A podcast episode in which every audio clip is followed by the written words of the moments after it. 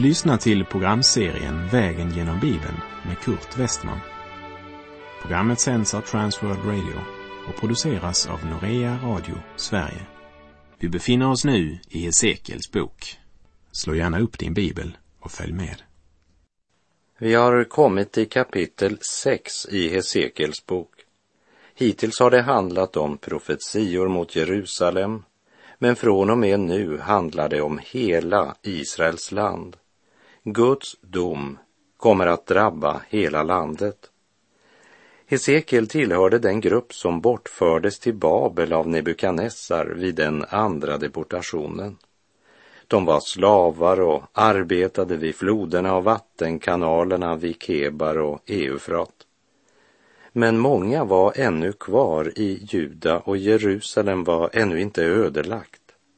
Och de falska profeterna fortsatte att garantera folket att allt skulle bli bra och att de snart skulle få återvända från fångenskapen. Samtidigt sa Jeremia att fångenskapen skulle vara i 70 år. Men det var ingen som lyssnade på honom eller brydde sig om vad han förkunnade. Utan de lyssnade till de falska profeterna eftersom deras budskap verkade mycket bättre och var mera optimistiskt. Och genom mina år som pastor och missionsledare har jag återfunnit den hållningen hos ganska många människor. När jag predikar över det ord som talar om Guds dom över synden med utgångspunkt i Jesaja, Jeremia, Hesekiel eller Daniel då är det som regel någon som säger ja, men det där är ju gamla testamentet. Men när jag predikar från gamla testamentet om Guds löften om välsignelse och hans löften om hjälp i nöden, då är det aldrig någon som säger ja, men det där är ju gamla testamentet. Budskapet i Hesekiels bok är högaktuellt i vår tid. Guds dom vilar inte bara över Jerusalem men över hela landet därför att landet vanhelgats genom falsk gudsdyrkan. De var mycket religiösa men de var inte gudfruktiga. Till och med när det var Herren Sebot de tillbad så var deras gudstjänst ofta präglad av hedendom. Guds folk hade inte bara orenat landet men orenheten hade trängt helt in i helgedomen och präglade därmed både gudstjänst och vardagsliv. Detta var det folk för vilket Herren hade uppenbarat sin härlighet. Han hade slutit förbund med dem och gett dem sin heliga lag. Tempelgudstjänsten och löftena tillhörde Israel. De hade betrotts mycket folket av Gud. Därför är också ansvaret större och domen hårdare. I sitt första brevs fjärde kapitel, vers 17 skriver Petrus. Ty tiden är inne för domen och den börjar med Guds hus. Men om den börjar med oss, vad ska då slutet bli för dem som inte lyder Guds evangelium? Det hjälper inte att man har hört evangeliet och säger att man tror det om man inte lyder evangeliet och är en ordets görare. Och Hesekiel står fram inför folket och förkunnar Guds dom över det folk som avfallit från Gud och lever i omoral. Vi läser Hesekiel 6, vers 1. Herrens ord kom till mig. De två budskapen i kapitel 6 och kapitel 7 börjar ganska lika. Herrens ord kom till mig. Det är det bärande i Hesekels liv. Det var inte Hesekels ord och tankar som folket skulle lyssna till och böja sig för. Hesekiel säger, det är inte mina tankar eller vad jag menar och tycker som jag förmedlar till er. Jag säger det som Gud har uppenbarat för mig. Och det är intressant att lägga märke till att både budskapet i kapitel 6 och budskapet i kapitel 7 avslutas med orden Det skall då inse att jag är Herren. Det vill säga, Gud sände sin dom över dem så att de skulle kunna inse att Herren är Gud. En av orsakerna till att Gud dömer synden är för att människan skall inse att Gud är en helig Gud. Vår värld behöver verkligen besinna att Herren Gud är helig. Man har överfokuserat på att Gud är kärleken och det är ju sant, men det är bara halva sanningen. Om vi förkunnar Guds kärlek utan att tala om att Gud är helig och straffar synd, så bidrar vi till den religiösa villfarelsen. Om du i olydnad vänder dig bort från Gud, förnekar honom och förkastar hans frälsning, så återstår endast ett alternativ, nämligen Guds dom. Idag försöker många människor ursäkta sig själva. De vill inte inse eller erkänna att de är syndare. De avskriver Gud med orden förr då människorna trodde på en Gud. Och med sådana hållningar försöker man kasta ut honom från universet han har skapat genom att förneka hans existens. Vi kan säga Gud slår näven i bordet i kapitel 6 och 7. Herrens profet Hesekiel inleder inte med en lång argumentation där han försöker bevisa att det verkligen är Gud som talat med honom. Han bara konstaterar, Herrens ord kom till mig. Vi märker denna vind ifrån evighetens värld. Herrens ord kom till mig. Människan har så svårt att godta något som kommer från en värld hon inte kan registrera och gör sig därmed lätt skyldig till urkundsförfalskning när man förnekar vissa delar av Bibeln. Man säger att den är så gammal och passar inte in i vår upplysta tid i citationstecken. Man anklagar Bibeln för att använda fel bilder och vara föråldrad. Människan förnekar Bibelns auktoritet och gör sig därmed, som jag sa, skyldig till urkundsförfalskning. Till de troende i Rom skriver Paulus i Romarbrevet 3, vers 4. Låt det stå fast att Gud är sann och varje människa en lögnare. Det vill säga, Guds ord förnekar människans auktoritet. Redan i Bibelns första kapitel står det att människan inte har gjort sig själv. Och i det tredje kapitlet får vi veta att människan är en fallen varelse. Och därför har människan ingen auktoritet. Den miste hon i syndafallet.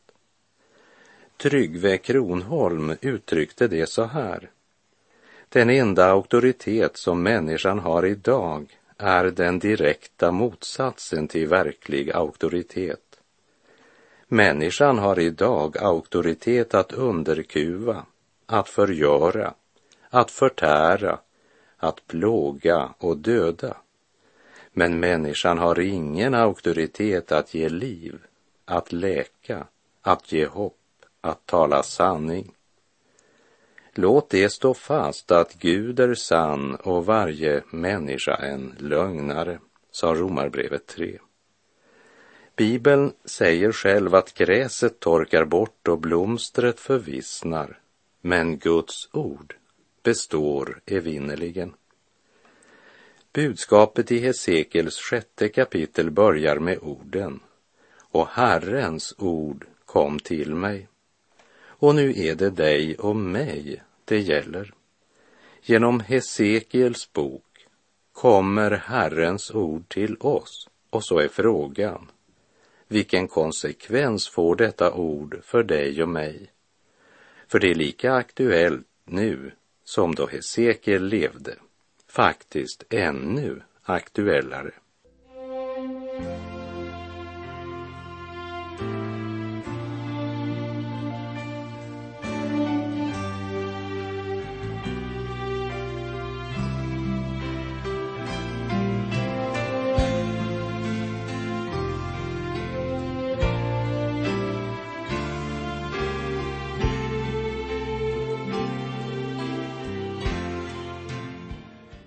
Hesekiel låter folket veta att Herren sänder sin dom för att det ska bli klart för dem att Herren är en helig Gud. Guds dom är något fruktansvärt. I Hebreerbrevet 10 så står det Vi känner honom som har sagt Min är hämnden, jag ska utkräva den och vidare. Herren ska döma sitt folk. Det är fruktansvärt att falla i den levande Gudens händer. Vi läser Hesekiel 6, vers 2 och 3. Du människobarn, vänd ditt ansikte mot Israels berg, profetera mot dem och säg, ni Israels berg, hör Herrens, Herrens ord. Så säger Herren, Herren till bergen och höjderna, till bäckarna och dalarna. Se, jag, jag själv ska låta svärdet komma över er och förstöra era offerhöjder. Guds folk hade avfallit till avgudadyrkan och nu säger Gud att stunden har kommit och de ska skörda konsekvensen av sina val och handlingar. Gud kommer att systematiskt avskaffa avgudstyrkan genom att straffa avgudadyrkarna. Vi läser vers 4 och 5. Era altaren ska förstöras och era solstoder smulas sönder och jag ska låta era slagna falla inför era avgudar. Jag ska låta de döda kropparna av Israels barn ligga inför deras avgudar. Och jag ska strö ut era ben runt omkring era altaren. Solstoderna som skulle smulas sönder var kraftiga, relativt breda stenstoder som rests till ära för avguden Bal, som var avlingarnas och fruktbarhetens herre men också tillbets som solgud. Jag citerar ifrån de tre första verserna i fjärde Mosebok 25, där det står Medan Israel uppehöll sig i Sittim började folket bedriva otukt med Moabs döttrar. Dessa inbjöd folket till sina gudars offermåltider och folket åt och tillbad deras gudar och Israel slöt sig till Baal Peor. Då upptändes Herrens vrede mot Israel. Baaldyrkan och balkulturen, den var förbunden med kultisk otukt. Ja, till och med förbunden med människooffer, speciellt barnoffer. Hesekiel nämner inte någon av dessa gudar med namn, men säger bara altaren och solstoder. Och genom Hesekiels budskap uppenbarar Gud var ogudaktigheten har fört dem.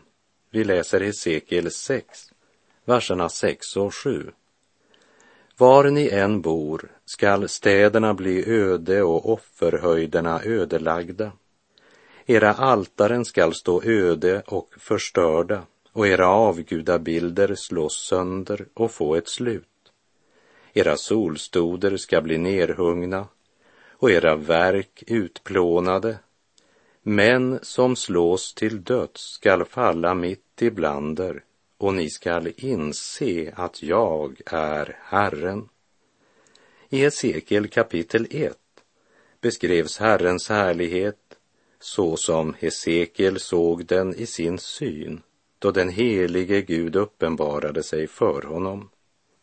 Den Gud som rör sig obehindrat i alla riktningar och som inte behöver vända sig om för att se dig och mig. När människan vänder Gud ryggen så förlorar hon mer och mer av kunskapen om Gud. Och när gudskunskapen försvinner sjunker moralen och etiken. Kärleken svalnar när den ersätts av egoism och allt detta gör själen fattig och tom. Och i sin förblindelse så dyker människan allt djupare i den dy som berövat henne Gud och därmed berövat henne livets mening. Och så sjunker människan allt djupare medan hon hånar sin Herre och skapare. Och i allt detta kan Gud inte tiga. Män skall slås till döds och falla, öppet och synligt för alla. Och då ska de inse att Herren Sebaot är Gud. Guds dom kommer utan förskoning. Det ges ingen utväg. Ingen kan blunda för det som nu sker och Herrens budskap är och ni ska inse att jag är Herren. Man driver inte gäck med Herren. Gud bedrar man inte. Det människan människans sår, det måste hon också skörda.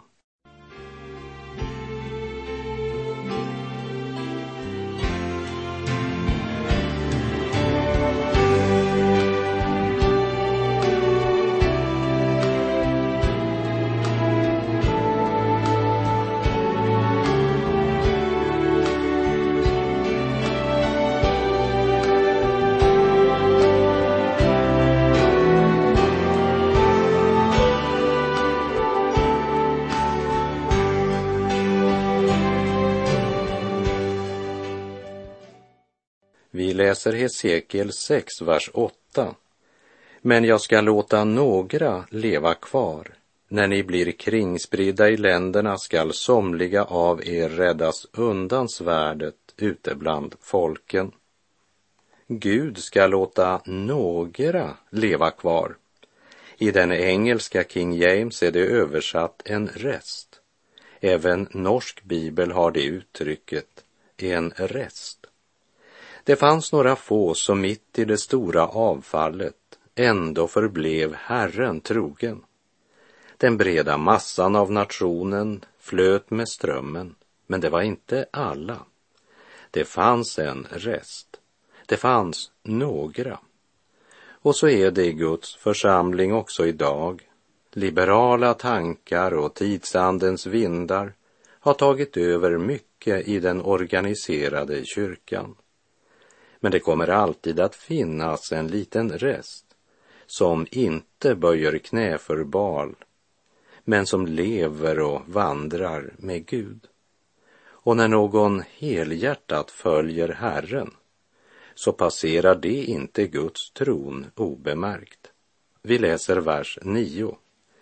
De av er som räddas skall tänka på mig bland hedna folken där de är i fångenskap när jag har krossat deras trolösa hjärtan som vikit av från mig och deras ögon som trolöst skådat efter sina avgudar. De skall avsky sig själva för det onda de har gjort med alla sina vidrigheter. Hur hårt straffdomen än lyser fram ser vi nådens och kärlekens tråd invävd också i allt det svåra som nu ska möta dem. Nöden Gud sänder är något mycket mera än en hämndaktion. Den är en fostran vars mål är omvändelse och räddning. Till det troende i Korint skriver Paulus i Andra Korinthierbrevet 7, vers 8 till och med 10. Ty även om jag gjorde er bedrövade med mitt brev så ångrar jag det inte nu. Först ångrade jag mig eftersom jag såg att brevet gjort er bedrövade, om än bara för en tid. Men nu gläder jag mig, inte därför att ni blev sorgsna, utan därför att er sorg ledde till att ni ångrade er. Det var ju efter Guds vilja som ni blev bedrövade och därför har ni inte lidit någon skada genom oss. Ty en sorg efter Guds vilja för med sig en ånger som man inte ångrar och som leder till frälsning. Men världens sorg leder till död. Och i vers 9 i Hesekiel kapitel 6 säger profeten de skall avsky sig själva för det onda de har gjort med alla sina vidrigheter. Man börjar alltså få en viss självkännedom, precis som den förlorade sonen som satt svältande bland svinen och vaktade. När människan ser på sina synder med avsky, då är det hopp. Vers 10. Och det skall inse att jag är Herren. Det är inte ett tomt ord, att jag ska låta denna olycka komma över dem. Och det skall inse. Det är tredje gången det sägs i det här kapitlet. Tyvärr gör man inte det idag. Man inser inte att Gud är Gud. Istället för att se Guds hand i det som sker så säger man att Gud är inte här. De resonerar som så att om han finns så bör han ju alltid hjälpa dem. O min vän, var får du sådana tankar ifrån? Gud dömer synden. Folket rasar mot sådana uttalanden. De vill inte ha en Gud som dömer synd och orättfärdighet. Du kan visserligen göra dig en Gud utifrån dina egna tankar och meningar men Gud är ändå Gud. Och han kommer att säga det sista ordet. Det kan du lita på. Vi läser vers 11. Så säger Herren, Herren, slå ihop dina händer och stampa med fötterna och ropa ve över alla vidrigheter bland Israels folk.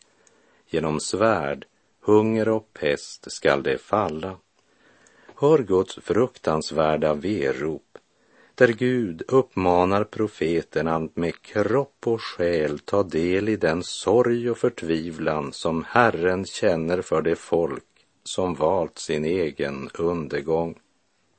I vers 13 säger Herren, ni ska inse att jag är Herren när deras slagna män ligger där mitt bland sina avgudar. När Herren säger ni ska inse att jag är Herren så talar det till oss om att Gud gör ett synligt ingrepp i historien och att han manifesterar sin gudomliga myndighet och makt. Vi läser Hesekiel 6, vers 13 och 14. Ni skall inse att jag är Herren när deras slagna män ligger där mitt bland sina avgudar, runt omkring sina altaren på alla höga kullar, på alla bergstoppar, under alla gröna träd och under alla lummiga terebinter, överallt där de har låtit en ljuvlig doft stiga upp till alla sina avgudar. Jag ska räcka ut min hand mot dem och göra landet, var det än bor, mer öde och tomt än öknen vid Dibla. Det ska då inse att jag är Herren. Med de orden avslutas domsprofetian i Hesekiels sjätte kapitel. Och med det så avslutar också vi det här programmet eftersom vår tid är ute för den här gången. Låt oss inte bedra oss själva. Gud bedrar man inte. Det en människa sår måste hon också skörda. Så låt oss vända om och bekänna våra synder. Johannes skriver i sitt första brev kapitel 1, vers 9 om vi bekänner våra synder är han trofast och rättfärdig så att han förlåter oss våra synder och renar oss från all orättfärdighet. Så låt oss söka Herren medan han är att finna. Herren vare med dig. Må hans välsignelse vila över dig. Gud är god.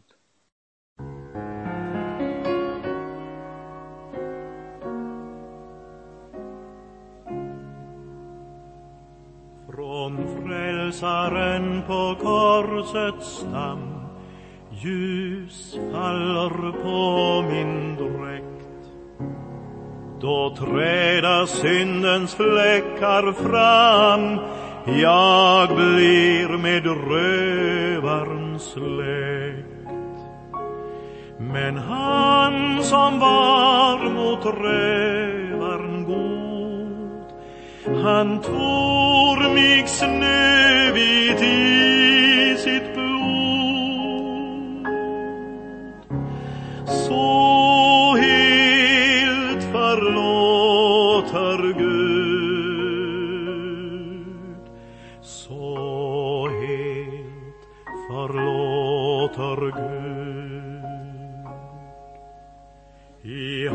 havets djup min synd blev sänkt, o evangelium.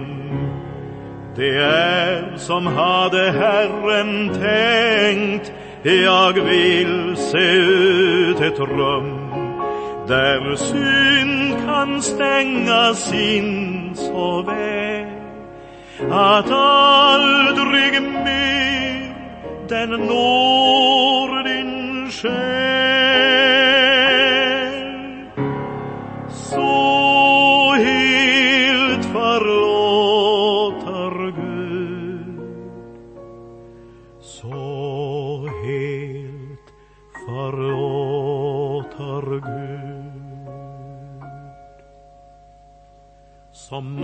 Molnen fly för solens sken och ej en ske blir kvar och himlen strålar klar och ren där nyss blott öken var. Så plonar Gud all synden ut och gör på alla sorger slut.